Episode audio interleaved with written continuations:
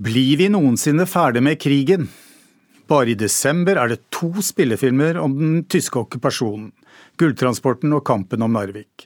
Særlig sistnevnte har det vært knyttet store forventninger til. Det skyldes ikke bare alle utsettelsene, men kanskje først og fremst fordi den baserer seg på en av krigens mest kjente glemte kapitler.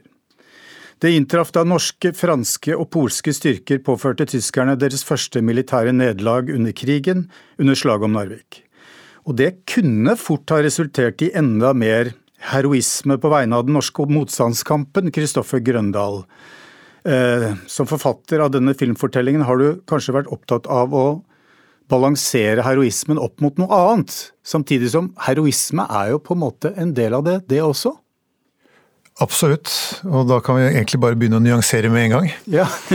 Um, for det første var også britiske styrker inne. De kontrollerte Ofotfjorden. og Det er et sentralt punkt i filmen vår. At britene ligger og skyter granater på sivilbefolkningen i Narvik by, som ikke har noe sted å dra. For Narvik på det tidspunktet har ikke noen veiforbindelser. Og tyskerne kontrollerer da alle fergene, og britene kontrollerer fjorden.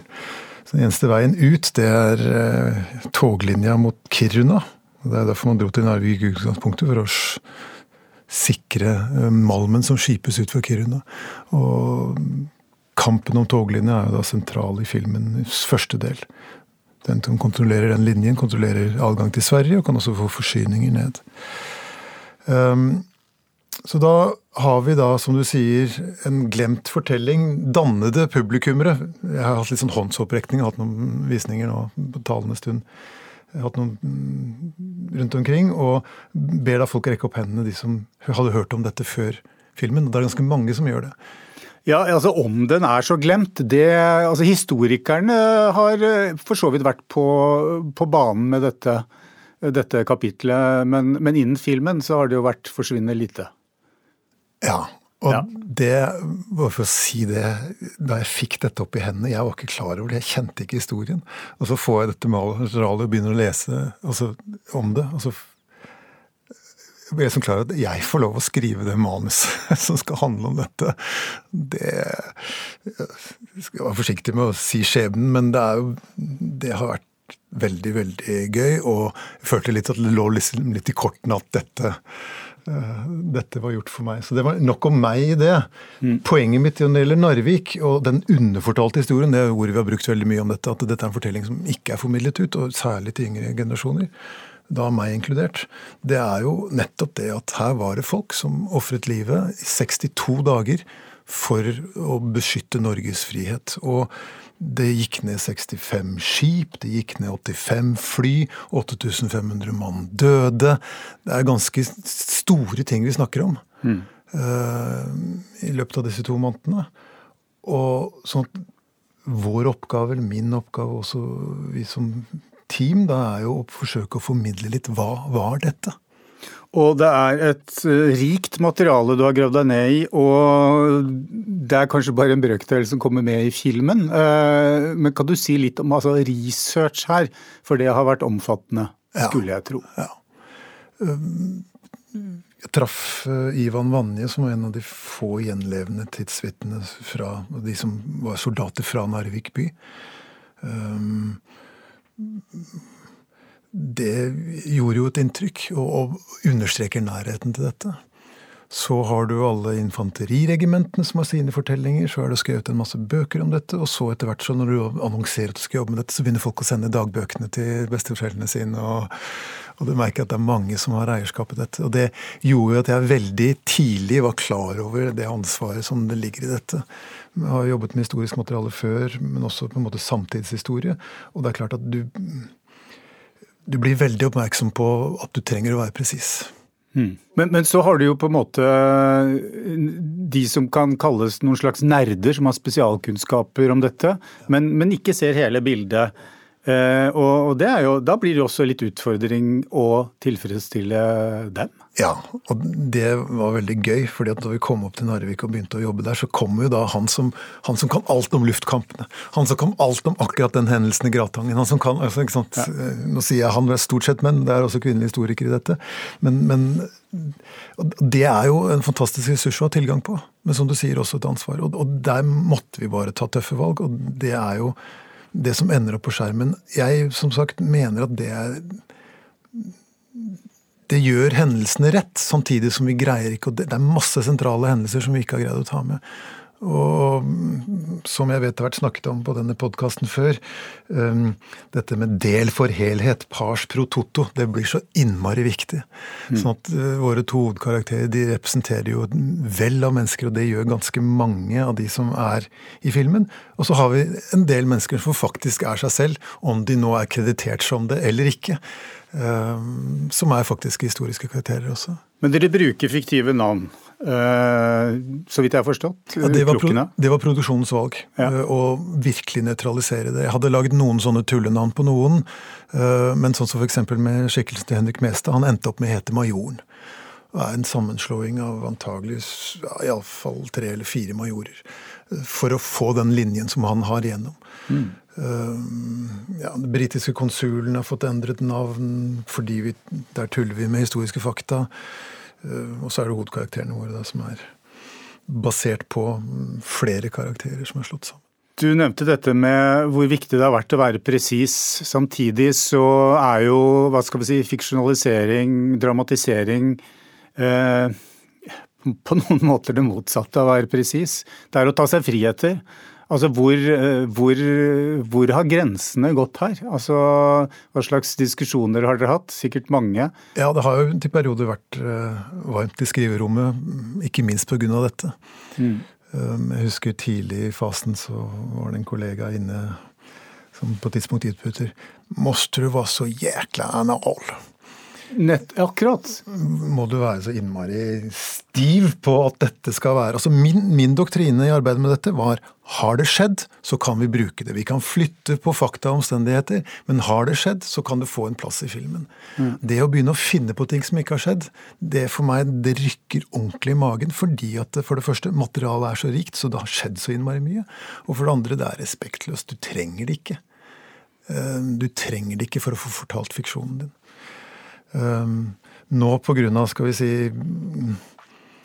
den ambisjonen som, som, filmen har hatt om å, å dekke både hjemmearenaen og den militære arenaen, så har vi måttet gjøre en del ting og det for meg så Det lugger, altså. Men det, det, er min personlige oppfatning. Ja, fordi dere har vært nødt til å Eller altså, det, er to parallelle løp i denne filmen. Altså, det, er, det ekteparet eh, Ingrid og Gunnar eh, Tofte som vi følger hver for seg. Han blir soldat og kjemper uh, oppe i fjellene og rundt. Og hun holder da stand i byen sammen med de andre sivile. Uh, og, så, så, det er på en måte to historier, men de er sommerfiltret. Ja, det er jo gleden. Vi tilbyr da publikum to filmer for prisen på én. Ja, ja, ja, nettopp. Og, og, vi var hele tiden klar over det uh, da Erik kom inn, Erik Solberg, regissøren, uh, og hadde veldig klare ønsker om å skildre også den sivile siden av dette. Så var vi klar over at dette gjøres ikke veldig ofte på film, og det er en grunn for det. det skal så mye til å forløse det, fordi at vi får mm, Altså, publikum Én ting er TV-serieformatet, hvor du, har, du kan ha antihelten som helt fordi at du har tid til å nyansere det, og i tillegg så kan du skildre et, bredere personregister som du mm. kan etter hvert klare å tegne en 360 graders portrett av, fordi du har tid. Så du kan gå i dybden. Det har du ikke på spillefilm. Vi er vel på 1,47, altså 1 time og 47 minutter. Da går det fort i svingene, og dermed så etterlater vi dessverre også publikum med en viss sånn følelse av at å, vi kom ikke nær nok disse menneskene. Og det har rett og slett med screentime å gjøre. Mm. Uh, og, og, jeg vil dermed si at dette er skal vi si, fortellerteknisk en veldig ambisiøs film. Og, og, jeg tar på meg min del av ansvaret for at, at vi greier ikke å forløse to fulle historielinjer. Og samtidig da ha dette som har for min side vært et krav om at vi skal gjøre rettferdighet til de som var der, og, og, og være så historisk korrekt som vi overhodet klarer. Så Du så ikke opprinnelig for deg dette som en serie, eller, eller altså vurderte det? Absolutt. Ja. Og selvfølgelig det er et stoff som vi kunne ha holdt på med og holdt på med, og holdt på med, nettopp mm. fordi det er så rikt og så omfattende. Eh, men det endte opp med å bli en av Norges dyreste filmer gjennom tidene. Det er jo til dels fantastisk hva vi har fått til når det gjelder det, også de store bildene, VFX-bildene, for, for, å gi det der bakteppet av hva dette var for noe. Mm. Eh, sånn at, og Da tenkte jeg hva da en TV-serie hadde kostet, og hvem som skulle betalt for det. Det, ja, det altså. Jeg vil gjerne komme litt inn på dette med, med heroisme.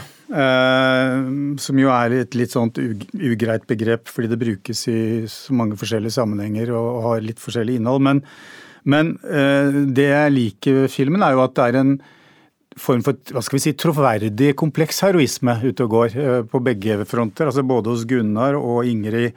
Altså han er i hvert fall i starten en, en, som melder seg til fronten uten å blunke. Men underveis så, så er han på randen av å feige ut. Altså det, er mye, det er litt sånn fram og tilbake, og flere av hans kompiser også. Så ser vi jo det. Og, og på meg så virker jo det veldig troverdig. Uh, og det er jo kanskje litt merkelig at jeg sitter her og sier at uh, det har jeg kanskje ikke sett så mye av i norske krigsfilmer før, men uh, det er jo sånn det er å være i krig. Altså det er jo ingen som er ra rakrygget hele tiden og er hva skal vi si, 100% heroisk. Altså det, det, det, er, det, er, en terreng som er eh, ekstremt uh, vanskelig å forestille seg hvordan det er å være i. Det er flere ting å si om, om dette. Når det gjelder linjen til Gunnar, da, soldatlinjen, så sto vi med to litt sånn grunnleggende valg. Det er to buer du kan lage. Det er han som er soldat i begynnelsen og ender med å eh, forlate, altså fra hero to zero. Og så har du den omvendte. Han som ikke vil krigen, han som ikke er moden for dette, han som ikke er klar for det, og ender med å bli eh, da herdet og, blir en som tar ansvar og går inn i verden på den måten. Altså fra zero to hero. Uh, og begge to var på bordet når det gjaldt Gunnars linje. Uh, det var vel Erik i regi som mm, på en måte var mest komfortabel med å fortelle da han som vil krig i starten, men ender opp da med å rett og slett desertere. Nå, ja, ja. nå, vi, altså, nå, spoiler vi her for publikum. Jeg regner med at det stort sett er folk om, som er om den klassikeren ja. til Stephen Crane, 'The Red Badge of Courage', hvor, hvor hovedpersonen uh, melder seg til fronten, men deserterer og vender tilbake. Og blir helt. jo, ikke sant. Så den, den er også den er, Jeg tenkte jo ikke på den, men det har også med tid å gjøre. Den er jo Det kan godt hende at vi drøftet den på et tidspunkt. Men uansett, det som har vært opptatt av der, er jo også denne heroismen som vi snakker om, som er reell. Og jeg var jo i sin tid gjorde førstegangstjeneste i Nord-Norge. og På disse øvelsene så skjønner du hvorfor folk ikke snakker så høyt om krigen. For det er så kaotisk. Du tenker liksom at du har et klart overblikk over hvor fienden er. over ting, og noen situasjoner så har du det, andre har du det ikke. Mm. Og jeg fikk jo på et tidspunkt Det gikk av en rødfis, altså et løskruttskudd, rett i øret mitt fra en av mine medsoldaters geværer ved en ulykke. Og du skjønner, hvis du ser på, ikke minst eh, fra Libanon-tiden. Eh, hvis du ser, Der står det en oversikt over alle som døde av norske soldater eh, under FN-oppdraget i Libanon. Og vådeskudd er ganske høyt på den listen. Mm. Um, sånn at du kommer inn i et felt hvor ulykkene skjer mye oftere. Vådeskudd og trafikkulykker det var de to tingene som drepte flest norske soldater mm. i Libanon. og Det var en del som gikk med. Ikke spesielt heroisk, kan man si? Nei, ikke sant. Sånn at, at det feltet er alltid uh, blurred. Og den første norske soldaten som falt reelt i kamp eh, i den perioden vi nå snakker om, altså i Narvik i april, han ble skutt av sine egne. Mm. Han hadde vært ute på rekognosering, kom tilbake, og de trodde det da var en tysker. Sånn at Vi er inne i et landskap hvor, hvor heroismen er sammensatt, samtidig som det jo foregikk altså mm, det norske krigsapparatet på det tidspunktet var ikke spesielt profesjonelt og ikke spesielt godt logistisk. Så De gutta som lå i fjellet i to måneder og sloss mot tyskerne, det var ganske stor forskjell på. I de tyske stillingene var det varm mat, soveposer, telt, rullering til og fra mm. fronten. Nordmenn lå der oppe. De var heldige hvis de fikk en fyr opp på ski med kald fiskesuppe i sekken, og så hadde de ikke soveposer, så de lå da tre mann, to nede og én oppe, for å holde hverandre varme når de skulle sove. Det er en stor kontrast på ja, rett og slett midlene, jf. Ukraina nå. Vi ser på en måte at det russerne ikke klarer, det er logistikken, og det er der ukrainerne rammer dem. Mm, og der ser du, så også her, Da var det vi som ikke fikk til det. Men tross det så begynte ganske raskt tyskerne å kalle nordmennene for de weise gespenste, altså de hvite spøkelsene. Fordi at de gikk jævlig godt på ski. Og de hadde da sydd kamuflasje av lakener og kniplingsduker og sånne ting, og så skjøt de jævlig godt. Mm. Og det er sånn, at De fikk respekt. Sånn det der, eh, og husk på det. Eh, de som kom opp dit, de tyske alpejegerne, eh, det var en eliteavdeling trent for krigføring i snø og i fjell. Og de hadde da høsten før vært en av spydspissene i den tyske invasjonen av Polen. Og ansvarlig for å ha drept vanvittig mange polakker. Dette var ekstremt hardføre soldater. Virkelig en elitestyrke. Vi får ikke helt inntrykk av det i filmen, men det var den historiske realiteten. Um, og på sydfronten i Narvik, det har vi ikke skildret i filmen, der ligger det polske styrker og slåss og binder opp en masse tyske ressurser der. Og de var jo så sinte. De var så forbanna etter det som hadde skjedd. Så de hadde rykte på seg for å ikke ta krigsfanger i det hele tatt. Mm. Og da er dette tror jeg, en reell historie, eh, hvor det er en polsk soldat som de inntar en tysk stilling og skyter de som er der, og så går han gjennom lommene på en av soldatene, og så finner han klokka til far sin. Mm. Så, så, så, de hadde jo en del beef in the game, og nordmenn hadde jo også i og det og de forsvarte sitt eget landet sitt og byen sin til en viss grad. Det var jo narvikgutter oppe i fjellene, sånn som Ivar Vanje. Um, og det ja, Vi kan jo komme litt tilbake til på en måte koblingen til samtiden, for det er også spennende. Ja, altså kan, ja. Jeg hadde tenkt å komme inn på det, men, men jeg ville ikke slippe Ingrid Tofte helt. Nei, altså, nemlig. Vi må snakke litt om Ingrid. Ja, fordi altså, hun er jo da havner i et umulig dilemma. Eh, og det er nok, så vidt jeg forstår, da basert på noen varianter av det som Det er jo ikke så vanskelig å tenke seg at sånt kunne skjedd under krigen. Uh, selv om det kanskje ikke var altså ett spesifikt tilfelle det er basert på? Nei, den type dilemmaer som hun er oppe i i Narvik, har jeg ikke noe historisk grunnlag for å si eksisterte. Nei. Og vi, den britiske konsulen som igjen Jeg bare spoiler hemningsløst her nå, ja, jeg er filminteressert som hører på dette. Den britiske konsulen som hun ofrer, Eh, han tilbrakte hele den tyske første da okkupasjonen i en hytte litt, oppe, litt over byen. Eh, og det er mye morsomme historier rundt det, men han kom smilende ned igjen den 28. mai da, da franske og norske styrker rullet inn i byen. Så han ble aldri uh, arrestert. Men den som ble arrestert, som også figurerer så vidt i filmen, det er Churchills nevø. Men han, ble, han, var journalist da i Narvik, og det sier jo noe om det trøkket som var der. At internasjonal presse var jo til stede. Dette var fokuspunktet for krigen på dette tidspunktet. Mm. Etter invasjonen i Polen så foregikk det som het the phony war. Man hadde erklært krig mot hverandre, men det skjedde ingenting. Det var noe raid og noe senkning av skip og sånn. Uh, og så ville jo da Churchill ville flytte krigen til Norge og sikre den jernmalmen, og Quisling dro ned og fikk Hitler til å fremskynde dette her. Eh, og da, De allierte håpet at dette skulle bli det, at det ikke var noe mer Hitler hadde i posen da. Sånn at det var Skandinavia som ble ødelagt, og så var det ferdig med det. Men det skjedde jo ikke. Mm. Men eh, Ingrids linje, ja. Eh, og fortjener jo da egentlig igjen en egen film skulle vi fortalt hennes historie ordentlig, med, sånn at vendepunktene sitter på riktig sted, sånn at vi går gjennom den emosjonelle bevegelsen vi skal for å måtte føle at dette er forløst, så, så måtte hun hatt en, en, en, egen linje fra start. Og 100% screentime, i anførselstegn. Um, og, så der, det speiler jo vi tilbake på, på dette kompromisset vi har gjort med disse to filmene. Fordi, fordi dilemmaene hennes er jo, som du sier, de er reelle og alvorlige, og, og speiler en potensiell konflikt som man kunne komme i, eller som du kommer i når du, når du er okkupert, i en okkupert situasjon. Mm. Um, og det er, der, det er, der, jeg sliter mest med det som, som vi har levert. Um, fordi at Da har du en, en, en, ren fiksjonslinje som skal interagere med en soldatlinje som er 100 research etterrettelig.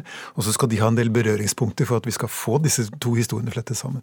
Og, og da begynner vi å gjøre disse kompromissene. Mm. Og, og, men liksom, det, er, det, er, realiteten i dette prosjektet. At for å få dette gjennomført med den ambisjonen det var, så, så måtte vi gjøre disse kompromissene.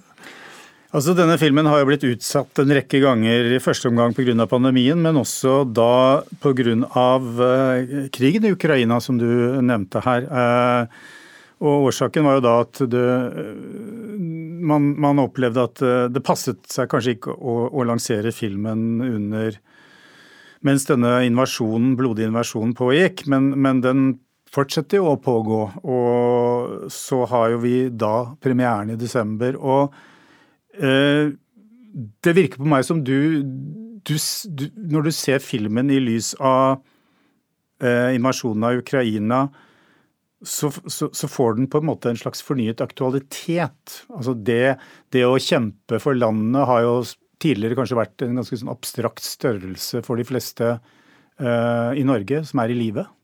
Eh, nå rykker det kanskje nærmere. Eh, det er i hvert fall sånn jeg forstår deg lite grann. Ja, du kan ta bort 'kanskje' i den setningen. for, for, å begynne med en, en opplevelse under skuespillerprøvene. Hvor de jobbet, Det var castingprosessen, da. Ikke skuespillerprøven, casting. Um, hvor jeg har en scene hvor soldaten vil i krigen tilbake til avdelingen sin kona vil at han skal bli og beskytte familien der i byen. og Det er en konflikt. Og sant, I casting så trenger du sånne scener som har litt temperatur, hvor skuespillerne kan få lov å vise litt uh, hva de har i posen. Og så får jeg tilbakemelding fra castingen. Døg Jøndal, skuespillerne, de sier at det her manuset ditt fungerer ikke. Denne scenen, det er ingen som skjønner Ingen som skjønner hvorfor han drar tilbake til krigen. Ok. ikke sant? Eh, plikten, lojaliteten overfor avdelingen sin, plassen i den historiske sammenhengen. Altså, eh, for meg var det helt åpenbart at han har ikke noe valg i den situasjonen der. Du kan ikke desertere når landet ditt er under angrep. Men for de unge skuespillerne så var det blitt så fjernt mm. at det, det var liksom ja, men Vi skjønner ikke. Skjønner ikke konflikten i manuset ditt. Og Det var en litt sånn oppvåkner for meg. Og, og, og igjen da, litt for å liksom, heve seg litt opp på nøyehesten og si hvorfor dette er en viktig film. Jo, fordi at vi var i ferd med å glemme at skal du ha et demokrati, et liberalt demokrati, så er det faktisk noe du er nødt til å kjempe for. Og, og så kommer Ukraina, og så skjønner du realiteten i det. Plutselig så blir det virkelig igjen for oss. Vi var i ferd med, De siste tidsvitnene var i ferd med å dø. Og, og vi, vi, har bekom, unnskyld, vi har blitt fete og slappe og dvaske og glemt hva som er de verdiene vi er nødt til å hegne om, og hvorfor Nordahl Grieg synger om land og om kamp og alle disse tingene. og Hvorfor vi har en nasjonalsang hvor det er et vers som heter 'Også vi når det blir krevet for dets fred slår leir'. Altså Dette her er helt essensielt. Demokrati kommer ikke av seg sjøl. Det velfungerende samfunnet vi har nå, eh, det at det er varmt vann i dusjen om morgenen, at du kan skru på strømmen og få ladet mobiltelefonen din, at mobiltelefonen din har dekning, alle disse tingene her. Og så plutselig så får vi da en påminnelse om at jo, dette er en virkelighet. Eh, bare sitere historikeren Harari, som jo er kjent gjennom disse bøkene eh, Sapiens og Homo Deus. Han snakker om at nasjonalstatens oppgave har vært til enhver tid å beskytte seg selv og befolkningen mot tre ting sult, pest og krig. Og da han ga ut dette her for noen år siden, så i Europa og i Vesten så var det sånn ja, ja, ja, men det er liksom noe som skjer i utviklingsland osv. Og, så og siden da så har alle de tingene kommet helt øverst på agendaen igjen. En pandemi, eh, en krig og dermed også trussel om sult. Ikke for oss her, fordi vi har fortsatt solide matforsyninger, men, igjen, du bare viser hvor sårbart alt egentlig er. Konstruksjoner som fordi vi har vokst opp i en så stabil tid, vi tar som selvfølge. Og i forlengelse forlengelsen av det, så vil bare ta et poeng til når det gjelder det. Tradisjonelt sett, nettopp fordi at nasjonalstaten hadde den oppgaven mot å forsvare mot de tre elementene. Så hvis du fikk en ingeniørutdannelse, en offisersutdannelse, en legeutdannelse, så var det for å støtte eh, nasjonalstaten i den oppgaven. med å beskytte oss mot disse tre apokalyptens ryttere. Mens da, med 80 år eller 75 år med fred, så snur det seg gradvis. Og nå er på en måte oppfatningen vært at det er nasjonalstaten som skal støtte meg i min virkeliggjørelse av meg selv som individ. Til å få min legeutdannelse, til å få min ingeniørutdannelse, til å få min militærutdannelse. Sånn at jeg selv kan blomstre. Og Det er klart, det er fint, men det er, sett i det lange historiske perspektivet, et ekstremt overskuddsfenomen. Mm. Du svarte for så vidt på mitt neste spørsmål, som jo var altså hvorfor vender vi tilbake til ok okkupasjonsårene igjen og igjen? Og Ukraina har på en måte, hva skal vi si, eh, aktualisert det på en måte vi kanskje ikke hadde forventet. Eh, men eh, hva er det, hva er det for deg som gjør at krigen er, er en sånn rik åre da, å, å hente dramatisk stoff fra. Altså, det er jo innlysende altså, Invasjon, krig, eksplosjoner, altså den type ting. Men, men altså på rent menneskelig plan, da, sånn litt mer nærere menneskelig plan, altså hva, hva handler det om for deg? Først bare på et sidespor si at Nord-Norge er en rik åre til historie. Ja, ja nettopp. Ja. men, men, og ikke minst krigen. Jeg har vært opptatt av krigsfilm så lenge jobbet uh, i filmbransjen. Så den er, den er rikere enn Nordmarka, for å si det sånn? Ja, og det som For å være litt sånn svulstig, så uh, er vi jo her. Og så kan du på en måte anta en postmodernistisk livsholdning og si at det, det finnes ikke noe mening, det finnes ikke noe kjerne. Eksistensen har ikke en essens. Gud er for lengst drept. Uh, metafysikken eksisterer ikke. Vi er bare en, en kosmisk tilfeldighet. Uh, og all krig er meningsløs. All krig er meningsløs. Mm. Og også leten etter mening er meningsløs. fordi hvis det ikke fins noe kjerne, så fins det heller ikke noe mesters merke i pannen din som sier at det var dette du ble født for å gjøre. Krig derimot er instant meaning. Du har umiddelbart en funksjon. Du har umiddelbart et, univers, et kosmos, hvor ting henger sammen. Hvor det er en fiende, og hvor det er eh, dine kamerater, de som er ved siden av deg i skyttergraven. Hvor du har en oppgave å gjøre, og du gjør det for et greater purpose, ideelt sett. Så fins selvfølgelig alle de krigsfortellingene om hvor meningsløst det er. Hvordan det er generalene og kapitalistene som sender stadig nye generasjoner inn i krigen osv. Så videre. så du kan anlegge mange perspektiver på det. Men det er en grunn til at hver gang det dør en norsk soldat i utenlandsoppdrag, så øker eh, søkningen blant unge seg til utenlandsoppdrag, militære utenlandsoppdrag. Og det, jeg tror det har med dette å gjøre. Um, essensen av livsmening. Og, og, som dramatiker så er det helt åpenbart at vi trenger dramatiske situasjoner. Vi trenger spissede dramatiske situasjoner for å kunne skildre karakterer og hvilke valg de står i. Mm. Det er da ikke sant, action reveals character. Det er gjennom valgene du engasjerer deg. Det er noe som står på spill, og ting blir tydelige. Så, så krigen er jo sånn sett et gave for dramatikk. Mm. Det er nok derfor det lages igjen og igjen. Ja, altså det, det er jo to emner som alltid utløser strid om norsk film, og det er altså dramaer om okkupasjonen og, og kongehuset, har det vist seg.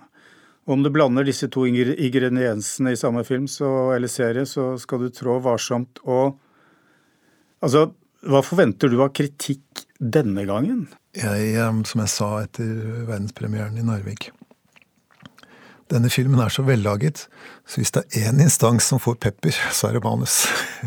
Ja, ok. Ja. um, jeg tror vi har vært veldig flinke til å kommunisere um, at vi har gjort grep som ikke er i tråd med historien. Sånn at jeg tror den største innvendingen man som historiker kan ha mot dette, var at vi ikke greide å ta med bombingen av Bjerkvik, av slakten i Gratangen og en del andre sånne sånn store hendelser. Og f.eks. da å skildre hele sjøslaget den 10. og 13. mai i Ofotfjorden, der omtrent halve den tyske krigsflåten senkes. Mm. Uh, rett og slett unnlatelsessynder. Og, og, altså Sett fra et filmteknisk og økonomisk og et fortellerteknisk synspunkt, så er det helt åpenbart for oss at vi greier ikke å favne det. Men jeg tenker at det er det det er kanskje den største innvendingen vi kan ha til oss, at vi var nødt til å hoppe over en masse stoff. Men man vet jo aldri hvor ting kommer fra. Folk stort sett er veldig velvillige nå. Jeg var også en tur oppe før den forrige lanseringen av filmen og snakket med en del av lokalhistorikerne og krigshistorikerne i nord. Nettopp for å gå i dialog med dem, for å forklare altså, Den artige formuleringen er 'Hvorfor går det alltid galt når, når vi skal skildre krig på film?' ikke sant? Fra et historisk perspektiv. Ja. Og det å peke litt på alle disse nyansene. For eksempel, man har en oppfatning om at og nå kommer filmen om Narvik som om det er et slags sånn samfunnsansvar, og det offentlige nå har besluttet, Kulturdepartementet har bestemt at nå skal vi få, endelig få vår film. Så Når du står utenfor filmbransjen, så ser, du, så ser du bare det. Jo, men det har jo gått inn offentlige midler her, så det må jo være et eller annet slags samfunnsansvar. Nei. Dette styres jo av private krefter og av individer som ønsker å få til noen ting. Og den kampen som produksjonen har hatt for å få opp denne filmen og På tidspunkt så tenkte jeg nei, nå er det kjørt. Vi kommer aldri til å stå foran det lerretet og si velkommen til premiere på Narvik pga. alle disse utsettelsene, også pga. kostnadene. ikke sant? Hvordan vil du beskrive forholdet mellom altså, filmmanusforfattere og historikere? Altså er, du har tidligere snakket om at det er et, et fruktbart motsetningsforhold. Eh, hva består motsetningen i, egentlig? Altså, fordi jeg, Mitt inntrykk er jo at enkelte historikere er, har en slags absolutt innstilling til at man ikke skal vike vekk fra det som er dokumentert. Men så har du jo på en måte særlig en yngre generasjon uh, historikere som, som, er mer kan altså se gjennom fingrene med at man, man, må jo fiksjonalisere, man må ta seg dikteriske friheter. Og uh, altså Du var jo litt inne på det nå når du beskrev ditt møte med lokalhistorikere. Uh, men, men altså, ja. fruktbart motsetningsforhold. Ja, ikke sant. Det er to helt forskjellige agendaer. Ja. Vi skal bottom line selge popkorn. Eh, men vi kan også ta på oss et, et, et, formidleroppdrag. Ja. Nei, vi skal ikke det. Men historikerens oppgave er jo å kunne dokumentere med etterrettbare kilder. Dette skjedde. Dette kan vi slå fast skjedde med en stor grad av sikkerhet. Og så har de også en oppgave i da å trekke ting sammen og lage en linje, sånn at vi kan lese et større hendelsesforløp og sette det i en slags kontekst. Så den agendaen ligner på hverandre, de ligner på hverandre, men som sagt, min oppgave som dramatiker er jo a good story well told. Men, men jeg sto jo i dette brytningsfeltet som sagt, nettopp pga. mitt behov for å være etterrettelig, fordi jeg visste at vi kommer til å komme de dialogene der. Og, og igjen, Nettopp fordi at både menneskers psykologi og historiske hendelser er så rike, så er det sjelden grunn til å finne på tull og tøys. Det er ikke noe grunn til det. Hvis du bare går langt nok ned i psykologien og langt nok inn i situasjonen og langt nok inn i karakterene, så finner du alltid det du leter etter. Fordi at folk har stått i valg. Og særlig i krigssituasjon. Um, så, så, det er mer Jeg tenker på en måte altså, En gjensidig forståelse det hjelper mye. Og jeg har jo hatt veldig mye glede av historikere. Og altså, igjen møte folk som har den der lidenskapen og detaljkunnskapen. Det er jo gefundenes fressen eh, for meg. Og, mye av det jeg har dramatisert eh, gjennom årene, er jo basert på liv levet. Og det for meg er en veldig trigger for en fortelling. At dette var faktiske mennesker. De sto i disse valgene. Det, det liksom får det til å dirre i meg. Nysgjerrigheten å gå og utforske det. Så det er en av mine drivkrefter. Men så er det jo en grunnleggende forskjell på selvfølgelig altså å være historiker og, og dramatiker. Og, og fi, altså filmfortellinger er jo nesten per definisjon, hva skal vi si, mytologiserende.